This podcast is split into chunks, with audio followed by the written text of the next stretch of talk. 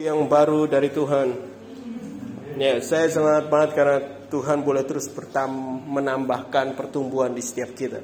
Itu pertumbuhan yang kita lihat di dalam segala kondisi itu. Segala kondisi sulit itu bukanlah sesuatu yang menekan kita dan melemahkan kita tetapi malah melihatnya sebagai bentuk pertumbuhan bagi hidup kita. Gitu. Dan dan kita mau menikmati proses itu bersama-sama. Amin. Ya, saya akan mulai di 1 Tesalonika 5 ayat 11. Khotbah saya hari ini adalah saling menasehati. Lama kelamaan ya, saya cari buat judul tuh sulit juga. Ya. Judulnya apa gitu ya. Tadi ada bahasa asing ya, eh, bahasa asing, bahasa asli yang saya mau pakai jadi judul terus nggak jadi. Jadi uh, tapi akhirnya kita lihat boleh saling menasihati. Ya. 1 Tesalonika 5 ayat 11 yang sudah dapat boleh katakan amin. Karena itu nasihatilah seorang akan yang lain dan saling membangun kamu seperti yang memang kamu lakukan.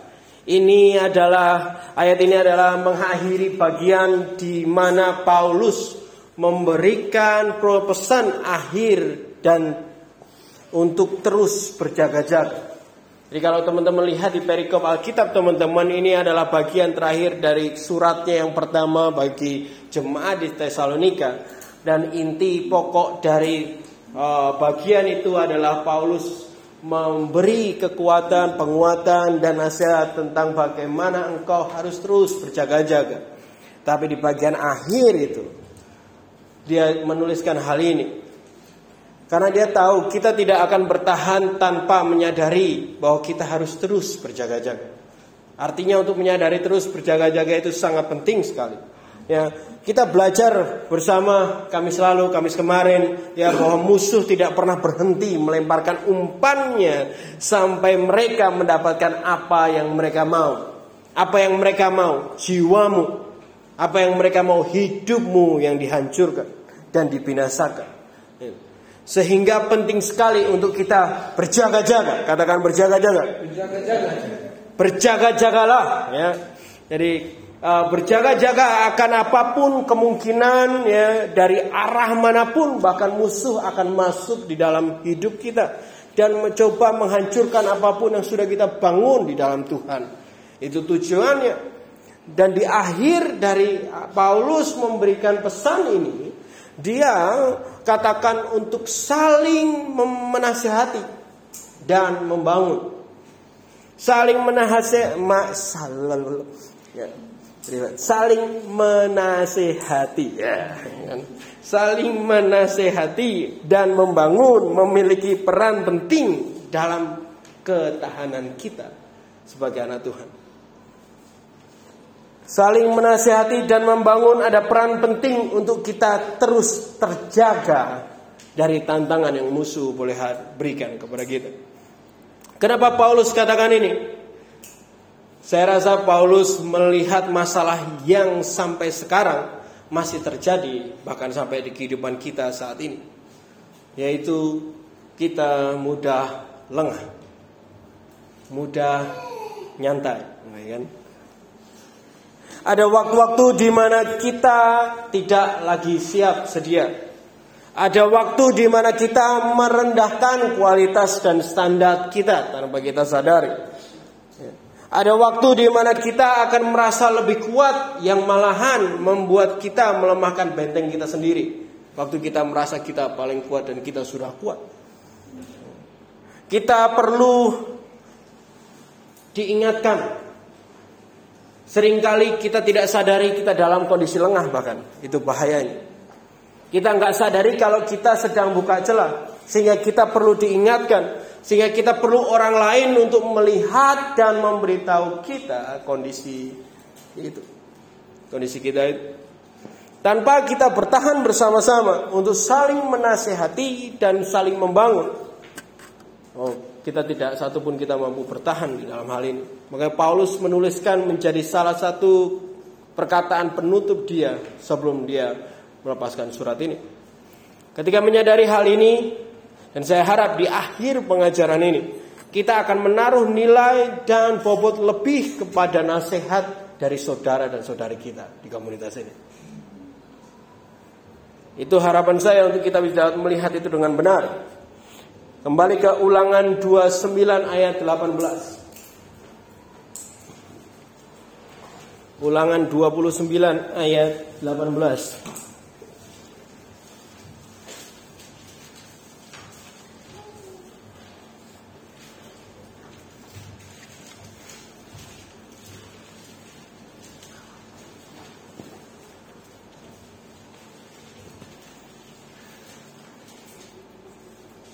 Yang sudah dapat boleh katakan amin.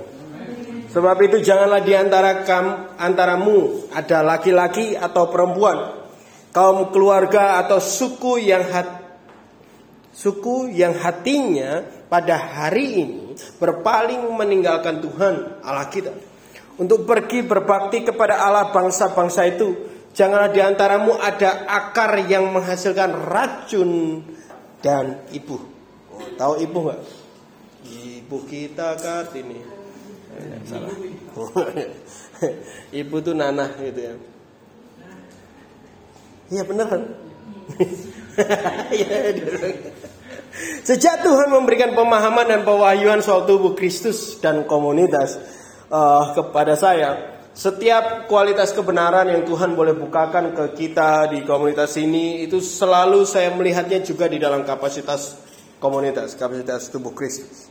Itu bagaimana itu berlaku di dalam tubuh. Karena kita juga satu. Amin. Salah satunya adalah hal ini di mana kita harus selalu berjaga-jaga. Saya bertanya dan melihat bagaimana Tuhan boleh tambahkan ke saya untuk melihat bagaimana berjaga-jaga ini ter, menjadi di, di dalam aspek tubuh Kristus, di dalam komunitas, di dalam gereja. Gitu. Di dalam terjemahan lain di ayat ini dikatakan seperti ini.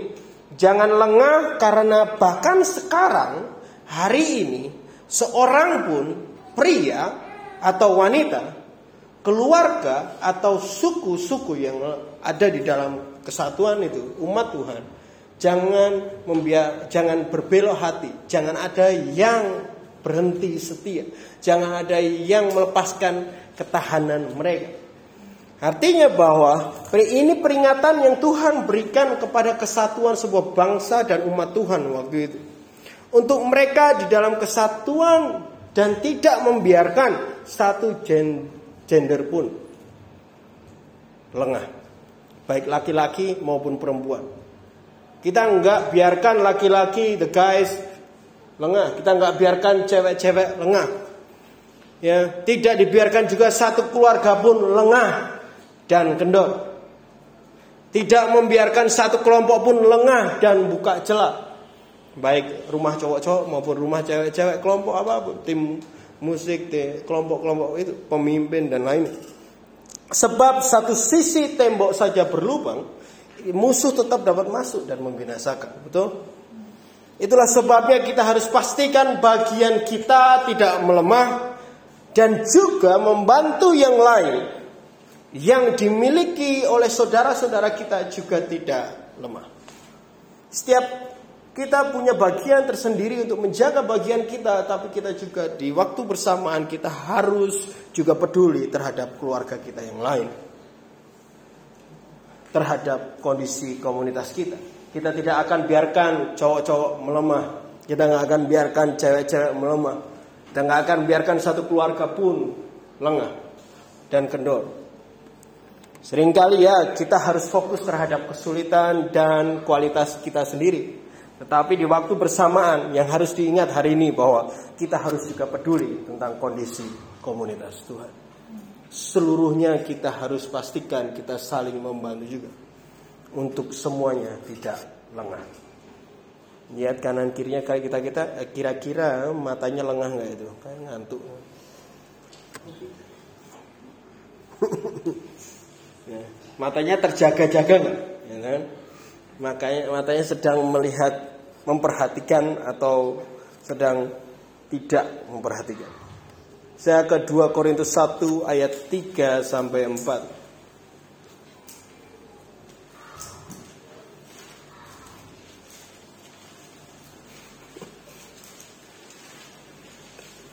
2 Korintus 1 ayat 3 sampai 4.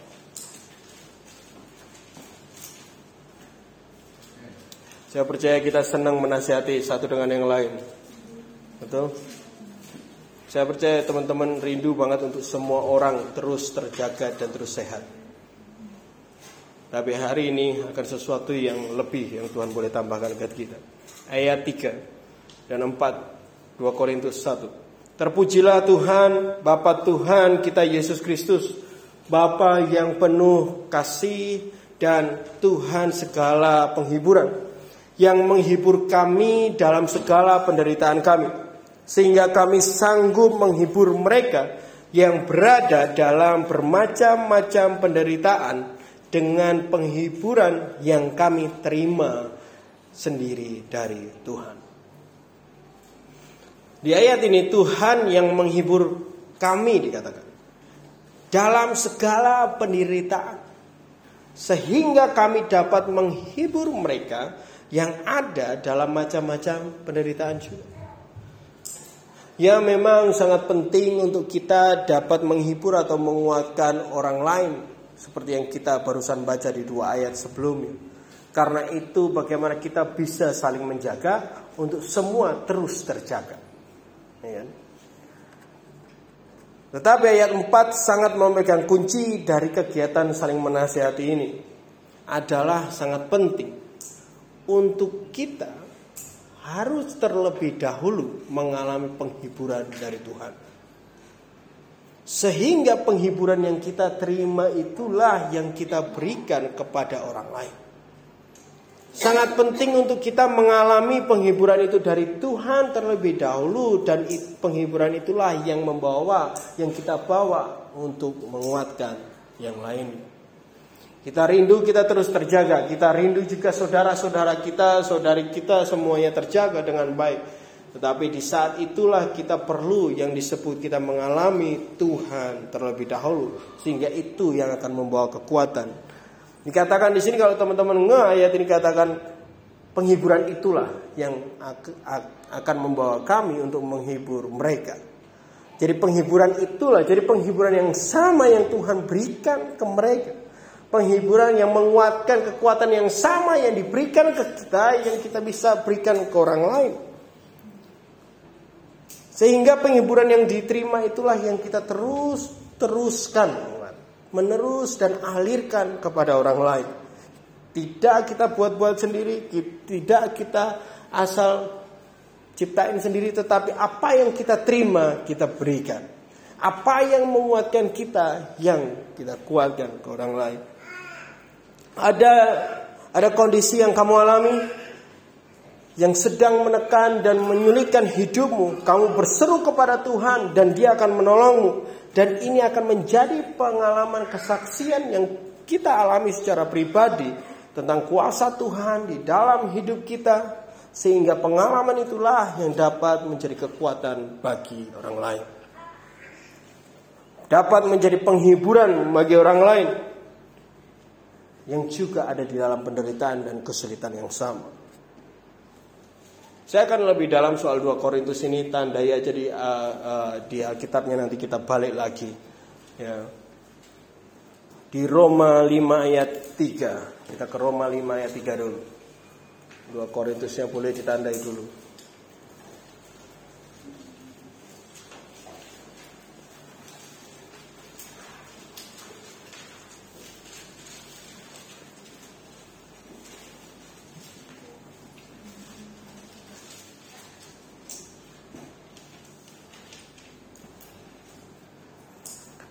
Roma 5 ayat 3 Dan bukan hanya itu saja kita malah bermegah juga dalam kesengsaraan kita Karena kita tahu bahwa kesengsaraan itu menimbul, menimbulkan ketekunan.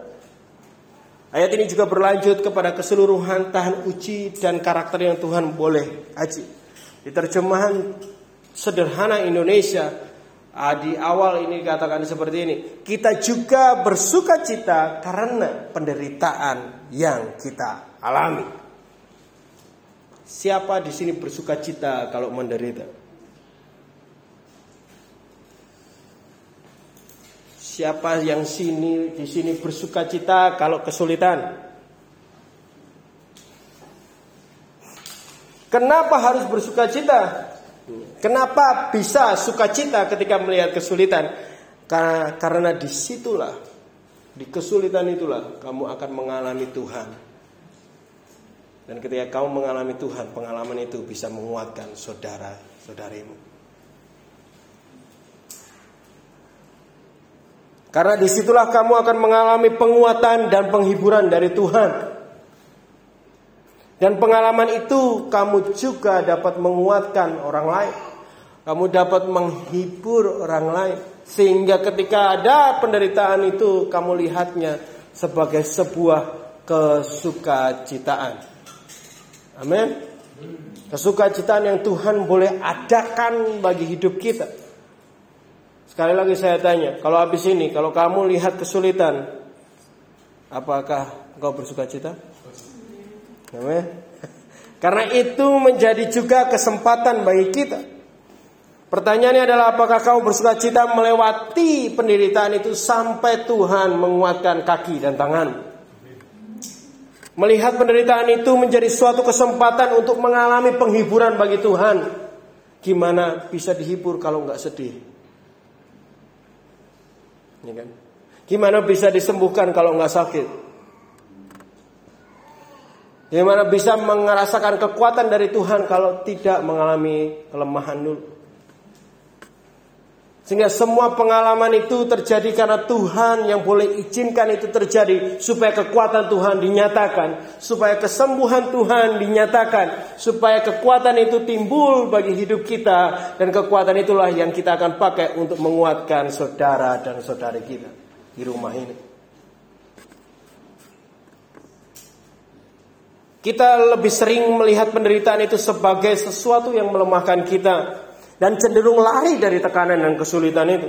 Sebisa mungkin menghindari hal yang sulit. Kalau bisa nggak usah ujian, nggak usah skripsi, gimana? Kan Tetapi bukan sesuatu yang menggembirakan sampai hari ini. Saya harap habis ini kita bertobat bersama-sama.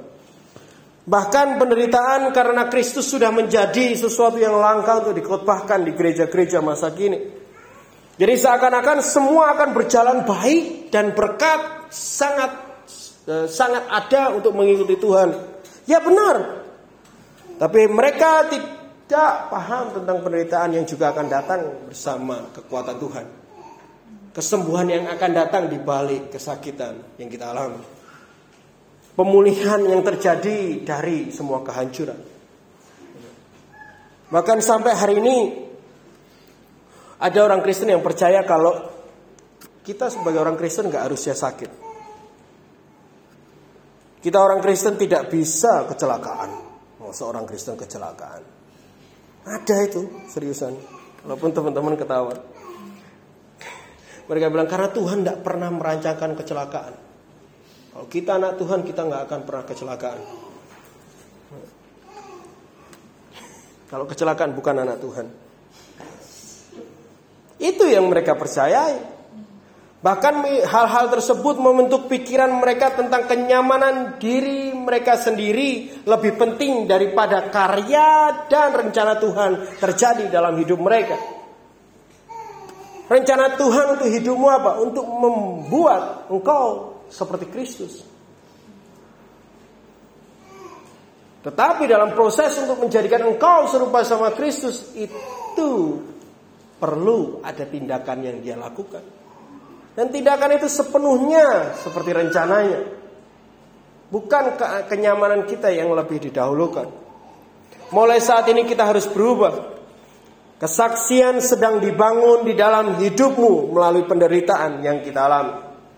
Kekuatan Tuhan sedang diperlihatkan dari kejadian-kejadian di dalam hidupmu dan di hari-harimu saat ini.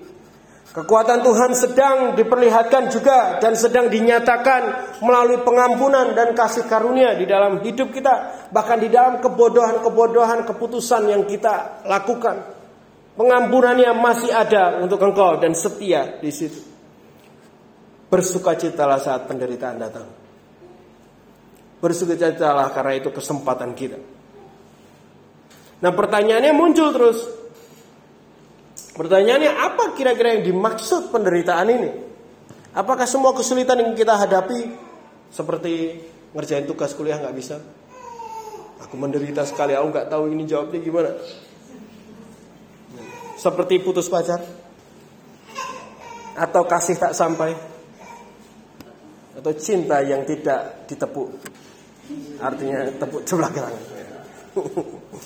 atau kesulitan kalau dagangan nggak laku. Kesulitan holy ground sepi.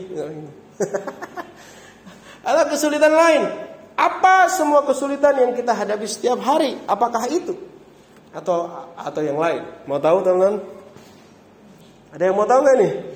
Nggak ada yang mau tahu nggak? Tak terusin ini. kan kita harus bersuka cita terhadap kesulitan dan penderitaan yang datang. Kesulitan yang mana yang dimaksud gitu ya? Markus 13 ayat 19. Markus 13 ayat 19.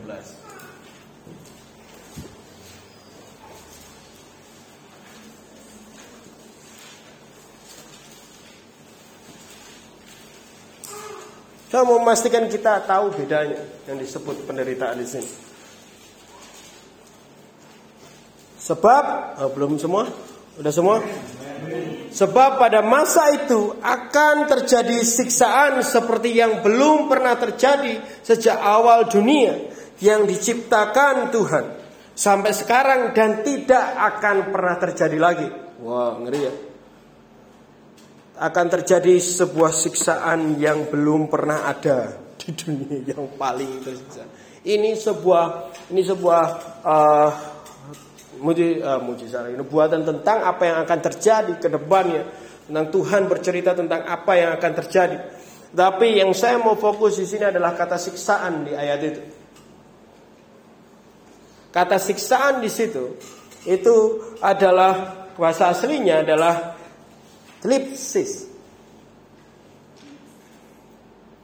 Ya. Tlipsis di situ dengan ejaan tlipsis. Ya. Artinya adalah tekanan. Setiap kita memiliki tekanan tersendiri di dalam hidup kita.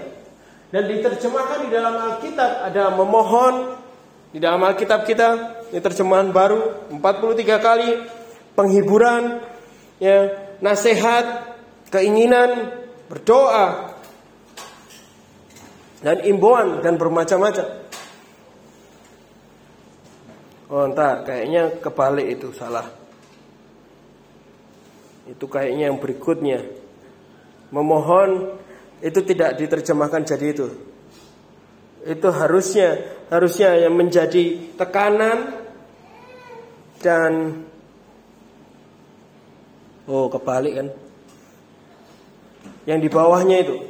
Tipsis itu diterjemahkan kesengsaraan, ya, kesusahan, derita, penganiayaan, ya, terbebani dan menderita. Itu adalah yang kita sebut tipsis. Jadi tetapi ini penting kalau kita mengerti ayat ini. Karena setiap kita punya tekanan di setiap hari-hari kita. Ada yang di sini hari harinya enak banget. Nggak ada tekanan sama sekali. Ada. Tekanan itu menekan kita terus. Kalau itu menekan kita terus itu yang disebut terus stres. Karena akhirnya depres gitu.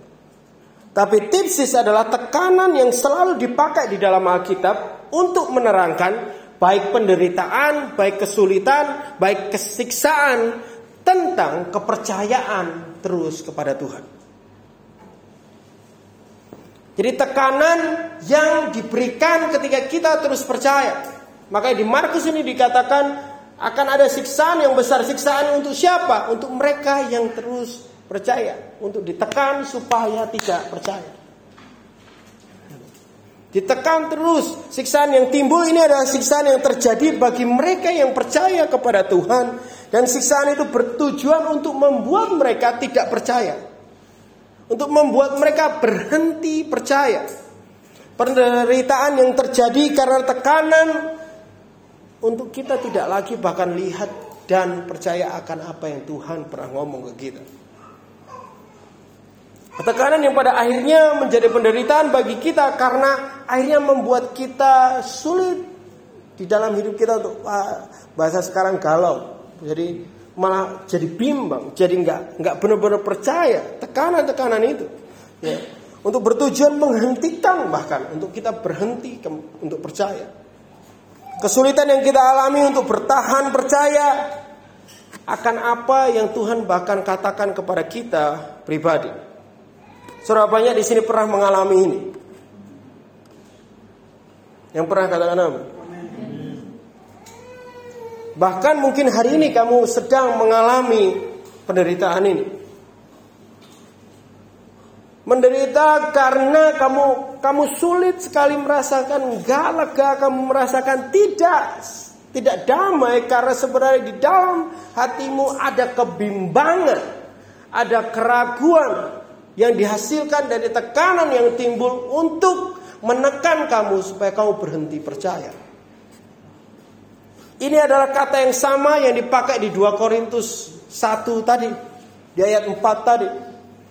Penghiburan yang dimaksudkan di dalam 2 Korintus tadi adalah penghiburan Tuhan, penghiburan yang Tuhan berikan kepada kita untuk kita bertahan percaya sama apa yang Dia katakan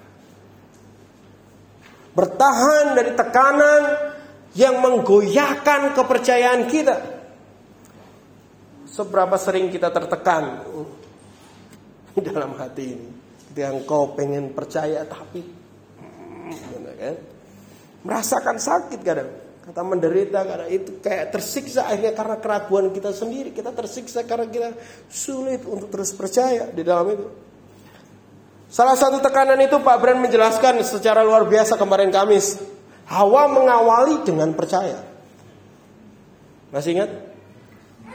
Dia ngomong sama si ular, dia percaya banget. Dia ngomong apa yang Tuhan ngomong. Ditekan pikirannya sama si musuh. Dan akhirnya tidak percaya. Setelah tekanan itu. Padahal cuma ditekan dikit Tekanan lain mungkin muncul dari orang tua bagi kamu hari ini dari keluarga atau teman-teman yang lain. Tahu nggak kata lain orang yang tadinya percaya menjadi tidak percaya apa? Tidak setia. Tetapi orang yang terus percaya disebut setia. Kamu hei, kamu hamba yang setia. Baik dan setia. Atau mau kebalik, hei kamu hamba yang jahat dan tidak setia. Tetapi Ya. Orang yang setia adalah orang yang tidak berubah percayanya apa pun tekanannya. Orang yang setia yang tidak berubah percayanya apa pun pertanyaan yang diberikan kepada kepercayaanmu. Orang yang setia, orang yang tidak berubah apa pun tantangan, tetap percaya. Apa pun kesulitan yang timbul untuk terhadap firman yang kamu udah dengar. Di situlah penderitaan ini. Sehingga ketika kita bilang Tuhan yang telah menghiburku, yang menguatkan aku. Saya mau kita ke ayat itu lagi 2 Korintus 1 ayat 3 sampai 4. Saya mau kita baca lagi dengan pemahaman yang baru sekarang tentang penderitaan. Ayat 3. Terpujilah Tuhan, Bapa Tuhan kita Yesus Kristus, Bapa yang penuh belas kasihan dan Tuhan sumber segala penghiburan. Dikatakan Tuhan sumber segala penghiburan yang menghibur kami, yang menghibur kita dalam segala penderitaan kita sehingga kita sanggup menghibur mereka yang juga di dalam tekanan. Kalau saya mau ubah sedikit dengan pemahaman tentang penderitaan yang barusan ayat 4 jadi begini. Yang menghibur kami di dalam segala ketidakpercayaan kami. Yang menguatkan kami di dalam segala keraguan kami. Sehingga kami dapat menguatkan dan membuat teman kami yang juga tidak percaya menjadi percaya. Membuat teman kami yang ragu jadi percaya kembali. Itu yang Tuhan sedang mau berikan kepada kita hari ini. Kata penghiburan di sini di terjemah di bahasa aslinya namanya para kaleo. Ini dari dua kata para dan kaleo. Artinya adalah ini disebutkan beberapa kali. Saya jadi kebalik keterangan ya, jadi bacanya bolak-balik ya. Diterjemahkan seperti memohon, penghiburan atau nasihat sehingga tadi di satu Tesalonika itu kata yang sama tapi diterjemahkan jadi nasihat.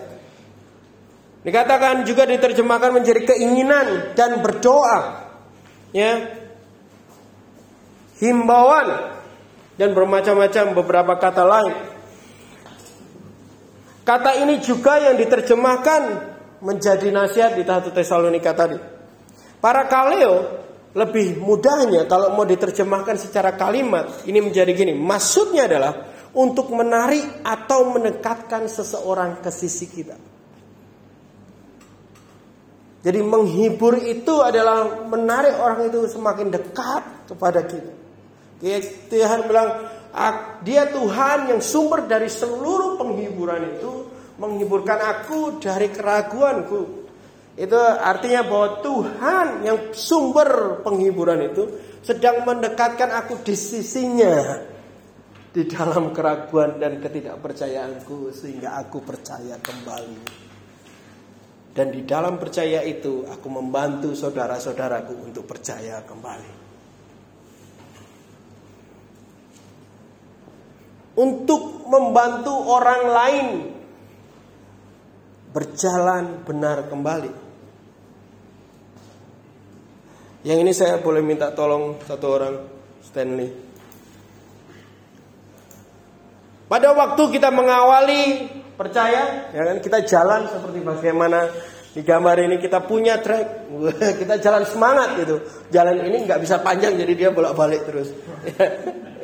Semangat dalam perjalanan itu. Ya.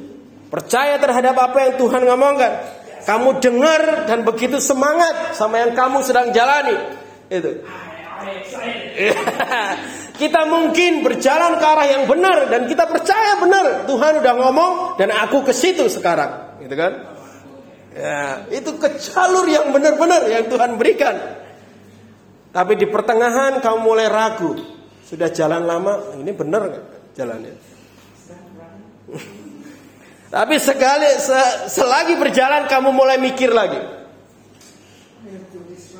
Mulai ada hal-hal yang kita lihat di jalan, ada hal-hal yang kita dengar ya. Ada hal yang membuat kita ragu di dalam jalan itu. Jalan mulai melambat terusan. Mulai kesulitan. Kita mulai bingung dan bimbang apakah arah ini benar? Apakah jalan yang sedang saya ambil ini benar? Apakah arah hidupku yang aku ambil ini benar? Mulai melambat lagi. Ya. Mereka bahkan kadang mulai akhirnya berhenti dan balik lagi. Thank you. Balik lagi. ya, terima kasih Stanley. Tangan buat Stanley dulu. ya.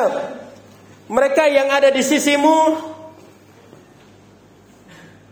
mereka butuh engkau untuk juga mengalami hal yang sama. Yang nanti butuh engkau untuk terus percaya di jalan yang kau sedang jalani.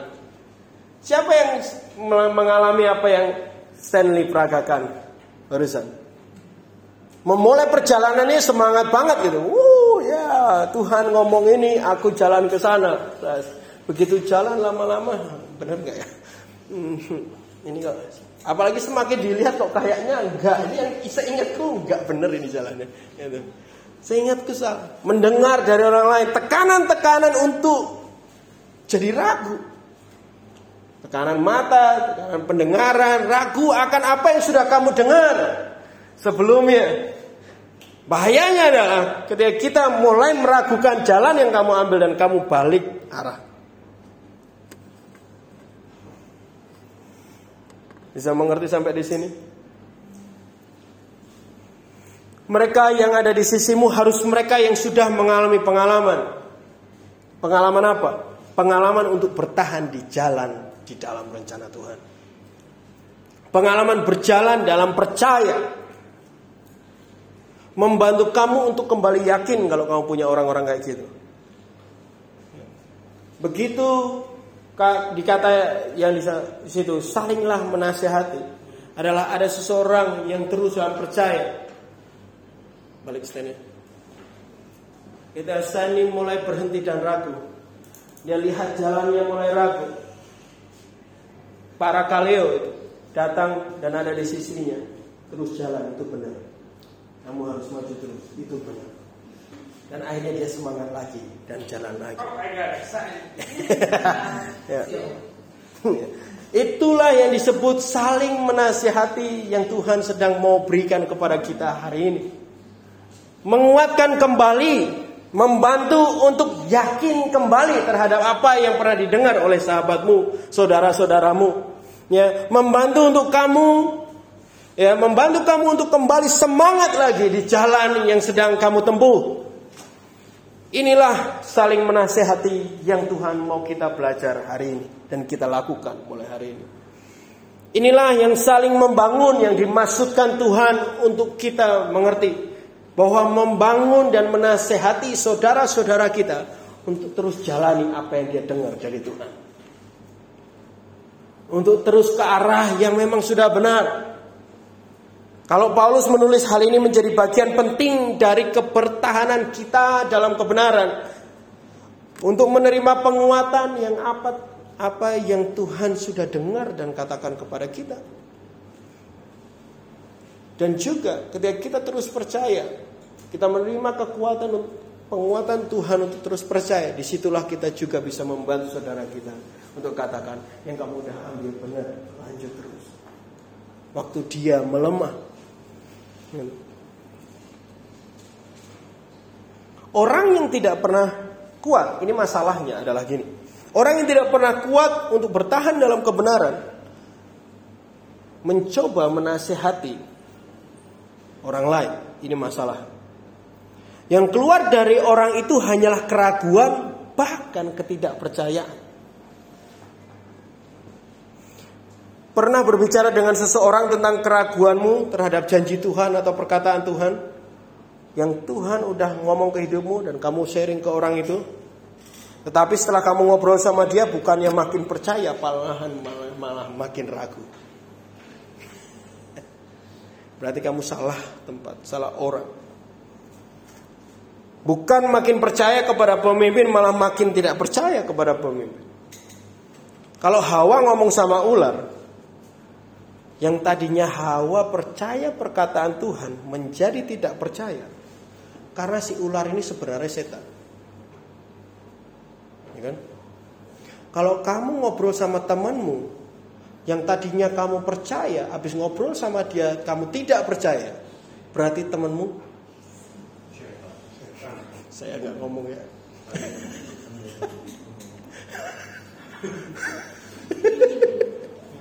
Ya, saya ulangi lagi. Ya. Kalau Hawa yang tadinya percaya benar sama yang Tuhan ngomongin, habis ngomong sama setan, jadi tidak percaya karena si, si ular itu ternyata si setan. Ya, kalau kamu ngobrol sama temanmu, tadinya sedikit percaya, walaupun agak ragu, habis ngobrol sama temanmu, jadi tidak percaya sama sekali. Berarti temanmu setan. ya, kalau kamu mengerti, kalau kita mengerti dua hal yang dapat membantu kita hal ini adalah saat kita di dalam kondisi penderitaan yang dimaksudkan di sini, menderita karena kita ragu terhadap Tuhan dan kita bergumul di dalam ini. Pernah merasakan hal ini? Kamu ragu terhadap perkataan Tuhan, mulai nggak yakin terhadap apa yang Tuhan katakan, enak nggak? Enggak siksa rasanya kayak kayak sakit kayak bingung kayak nggak tahu. Dan itu melemahkan semua hal. Melemahkan wajah kita bahkan.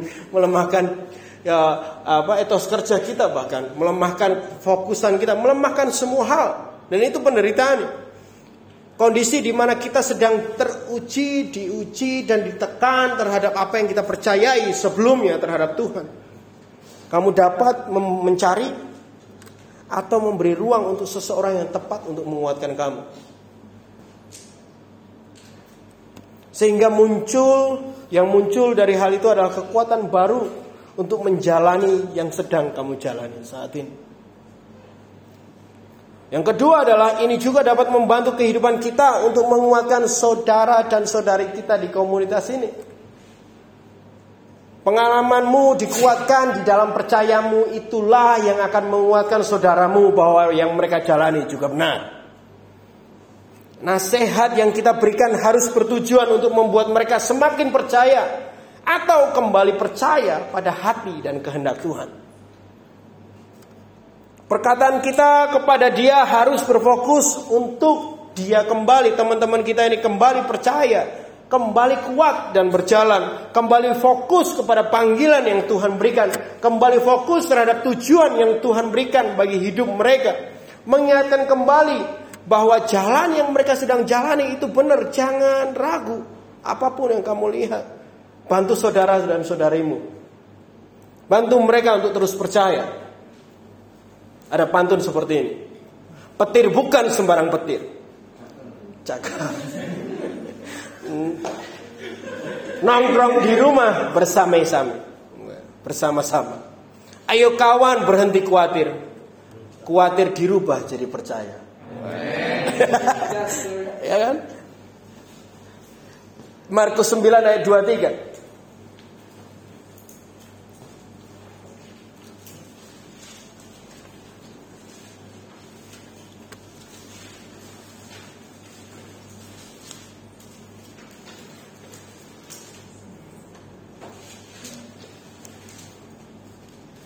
Jawab Yesus, katamu jika engkau dapat, tidak ada yang mustahil bagi orang yang percaya. Saya katakan lagi, tidak ada yang mustahil bagi orang yang percaya. Kalau kamu terus percaya, tidak ada yang mustahil. Ini mudah banget kan? Ya. Kalau kamu terpercaya, terus percaya, terhadap apa yang sedang kau jalani tidak ada yang mustahil. Banyak orang Kristen suka banget ayat ini. Karena bagi mereka ini peneguhan untuk apa pun yang mereka inginkan akan terjadi. Walaupun mustahil. Asal kita percaya itu terjadi. Aku percaya nanti pacarku bisa kenal Kristus kok. Gak apa-apa lah. Jalani dulu aja. Kan tidak ada yang mustahil bagi orang yang percaya.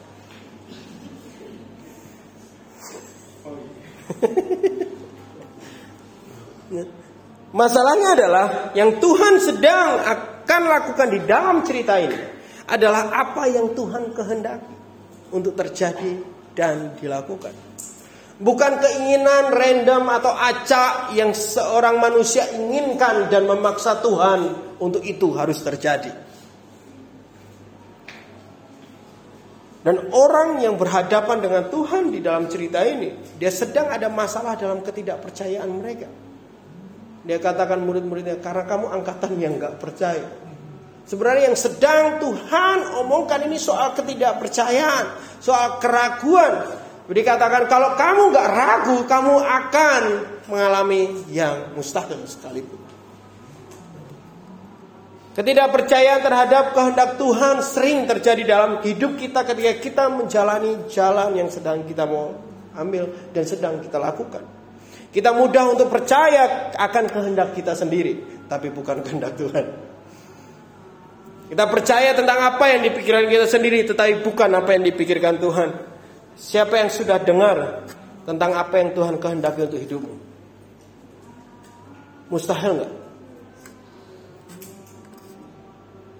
Mustahil Tuhan dapat membesarkan, memakai aku untuk membesarkan generasi-generasi bagi Tuhan. Sampai hari ini aku jomblo.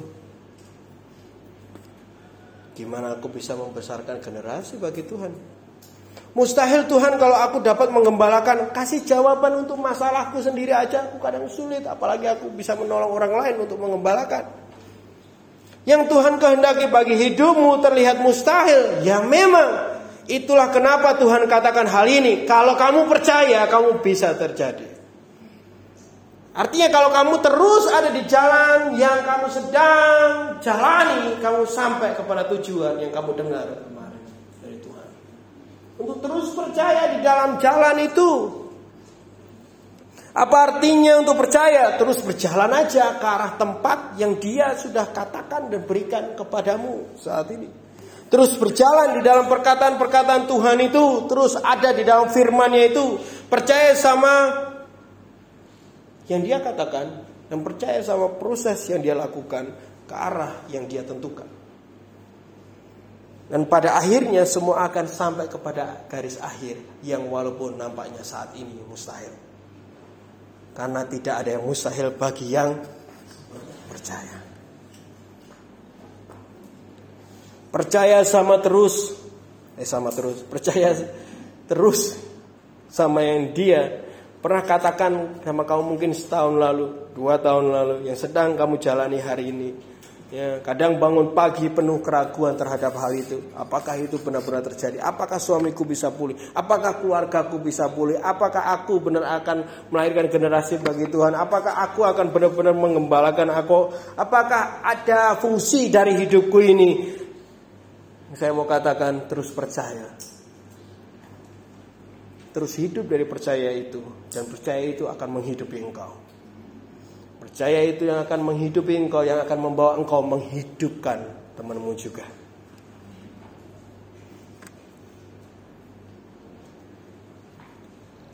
Bertahanlah untuk jalani apa yang engkau jalani dalam kepercayaanmu terhadap apa yang Tuhan katakan saat ini. Untuk terus percaya perkataan dan janjinya. Dan kita perlu orang lain untuk terus mengingatkan kita terhadap hal ini. Butuh mereka untuk menjaga arah kita Butuh mereka untuk terus percaya. Lihat kanan kirimu, kamu butuh mereka. Kamu butuh orang itu. Kamu butuh saudara dan saudari kita di tempat ini untuk menyadarkan kita kalau kita belok atau kalau kita berhenti. Atau kalau kita melemah. Atau kalau kita ragu, melemah karena kita mulai ragu, mulai mikir apakah benar yang kita sedang jalani. Kita butuh mereka untuk kembali semangat terhadap jalan yang sedang kita raih, yang sedang kita lakukan. Setiap kita pernah goyah percayanya. Betul? Setiap kita pernah ragu terhadap apa yang sedang kamu jalani. Setelah berjalan beberapa waktu lagi, ragu lagi. Kita butuh orang lagi untuk mengingatkan hal itu. Semangat lagi. Di jalannya waktu, ragu lagi. Kita selalu makanya Paulus katakan harus saling menasehati. Harus saling membawa di sisi seseorang itu untuk ingatkan lagi bahwa yang kamu ambil benar ayo lanjut lagi semangat lagi. Kamu ingatkan lagi perkataan-perkataan Tuhan ke hidup mereka. Setiap kita pernah terlintas di pikiran bahkan untuk berhenti dari perjalanan ini. Siapa yang pernah? Siapa yang pernah mikir untuk berhenti dah dari semua pemuritan ini udah capek. Ya. Berhenti dah dari proses ini. Apakah benar aku, aku apakah benar tempatku di sini? Pernah terlintas itu? Apakah benar aku harus dipimpin sama mereka? Datang kepada orang yang terus teguh, jangan datang sama yang ragu juga. Karena kamu kalau kamu datang ke seseorang yang buat kamu makin ragu, berarti dia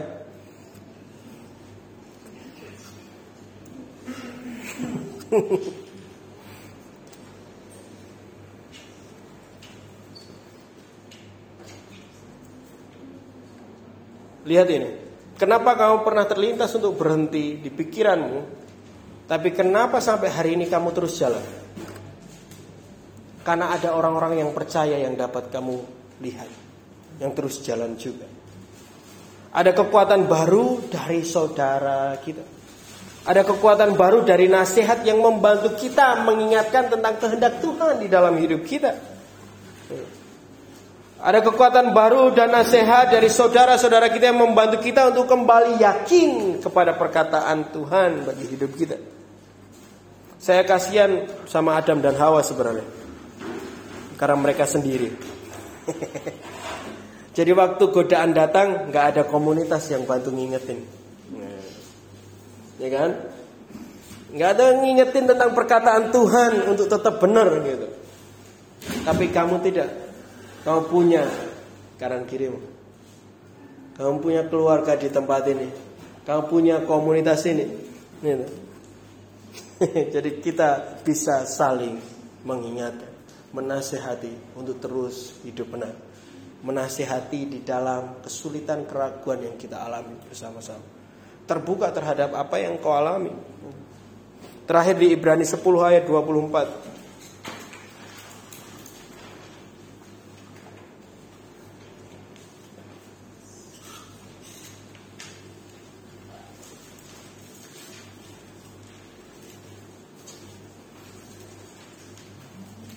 Ibrani 10 ayat 24. Dan marilah kita saling memperhatikan supaya kita saling mendorong di dalam kasih dalam pekerjaan baik. Pertanyaan ini yang penting, Mak. Biarlah kita saling memperhatikan. Pertama, sehingga kita bisa saling mendorong di dalam kasih. Kita lebih sering memperhatikan hal lain di dalam kehidupan orang banyak di luar sana. Tapi kita lupa memperhatikan kehidupan keluarga kita. Kita dapat mendorong, kita dapat mengingatkan sahabat-sahabat kita, saudara kita di rumah ini. Kalau kita benar-benar memperhatikan hidup mereka. Siapa yang tahu Abigail teman sekamarnya? Saya tahu Abigail teman sekamar saya. Ya kan? ya. Siapa yang tahu janji Tuhan terhadap teman sekamarnya? Siapa yang mengenal yang bisa ngerti kalau kayaknya ini dia lagi nggak beres? Tanpa hal itu, kamu nggak bisa dorong temanmu untuk terus jalan di jalan yang benar. Oh, kamu sendiri nggak tahu jalan yang dia mulai sedang ambil. Artinya kamu nggak ngerti apa yang Tuhan katakan ke hidup mereka. Maka yang mulai hari ini habiskan waktumu untuk saling ngobrol di kamar itu tentang apa yang Tuhan bicara di setiap kalian. Sehingga saudaramu bisa membantu engkau saat kamu lemah dalam percayamu terhadap janji Tuhan itu. Saat bahkan diri kita sendiri kadang nggak percaya kalau lihat Abigail kita sendiri karena nggak mau nggak tahu aku bisa aku bener nggak ya kayak gini gitu. Tapi orang lain ketika orang lain melihat hal itu dan mengatakan hal itu kita menjadi kuat kembali. Saya percaya kita nggak mau melihat saudara kita gagal dan berhenti di tengah jalan. Amin. Ada yang mau lihat saudara kita gagal dan berhenti di tengah jalan. Kuatkanlah mereka untuk terus percaya kepada perkataan Tuhan. Dengar dari mereka apa yang sedang Tuhan katakan ke hidup mereka dan ingatkan mereka saat mereka lemah. Panggil kembali siapa mereka di mata Tuhan Abigail itu. Itu siapa mereka di di mata Tuhan. Panggil lagi. Ya. Ini bagianmu untuk saudaramu. Saya berharap kita semua mengerti dan menangkap hal ini hari ini. Kita akan melihat dan menilai komunitas ini dengan berbeda kalau kita mengerti hal ini hari ini. Kita juga akan melihat dan menilai nasihat dan kata-kata pengingat dari saudara-saudara kita dengan berbeda. Yang disampaikan pasangan kita yang suami istri dengan berbeda. Karena kita tahu kepedulian mereka apa yang dia sedang ngomong karena dia sudah memperhatikan hidup kita. Kayaknya kita melemah. Dengar apa yang dia omongkan. Jangan naik dulu amarah dan kebencian kita. Lepaskan dulu balok dari matamu dan dengar apa yang dia katakan. Karena mungkin apa yang dia katakan membuat engkau punya kekuatan baru. Punya kepercayaan yang baru untuk menjalani apa yang sedang engkau jalani. Kita kita juga akan melihat Bagaimana kesetiaan itu, kesetiaan yang kita berikan kepada Tuhan dan dari apa yang Tuhan katakan dapat terlibat di kehidupan orang lain. Kepercayaan kita terhadap apa yang Tuhan katakan bagi hidup kita bahkan dapat berdampak kekuatan bagi orang lain. Kita akan melihat hal itu. Dan bayangkan kalau kata yang dipakai di Alkitab yang beberapa kali kita baca adalah kata saling. Artinya kekuatan itu saling muter terus. semua kuat bersama-sama. Perhatikanlah teman-teman. Ya. Kejarlah kesetiaan. Amin. Kejarlah terus percaya. Kejarlah komunitas ini untuk bertahan. Saya butuh saudara-saudari untuk terus berjalan di jalan ini. Saya butuh kalian untuk kalian mengingatkan. Mari kita saling mendorong dan menasehati di dalam kasih. Saya harap pengajaran ini dapat membuka mata kita dan pengertian kita apa yang harus kita nasihati ke teman dan saudara kita. Mengingatkan kembali tentang kebenaran yang mereka sedang jalani, pilihan yang sedang mereka ambil. Kamu memilih ini dan saya aku juga percaya kalau Tuhan panggil kamu untuk ini. Maju terus. Semangat. Dan ini bagian yang Tuhan boleh ingatkan untuk kita semua hari ini. Bapak Ibu Saudara. Semua menerimanya dengan sukacita.